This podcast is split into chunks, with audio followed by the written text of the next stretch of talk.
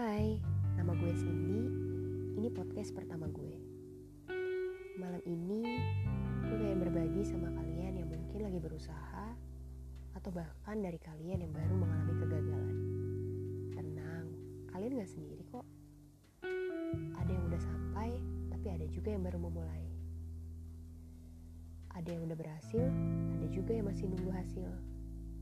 Bahkan udah punya semuanya, tapi ada juga yang masih berusaha. Benar, setiap manusia itu berbeda. Bahkan, setiap orang memiliki waktu yang berbeda juga. Apalagi jalan hidupnya. Jadi, kalian gak perlu khawatir. Terus aja nikmati prosesnya. Terus aja berusaha. Sampai kalian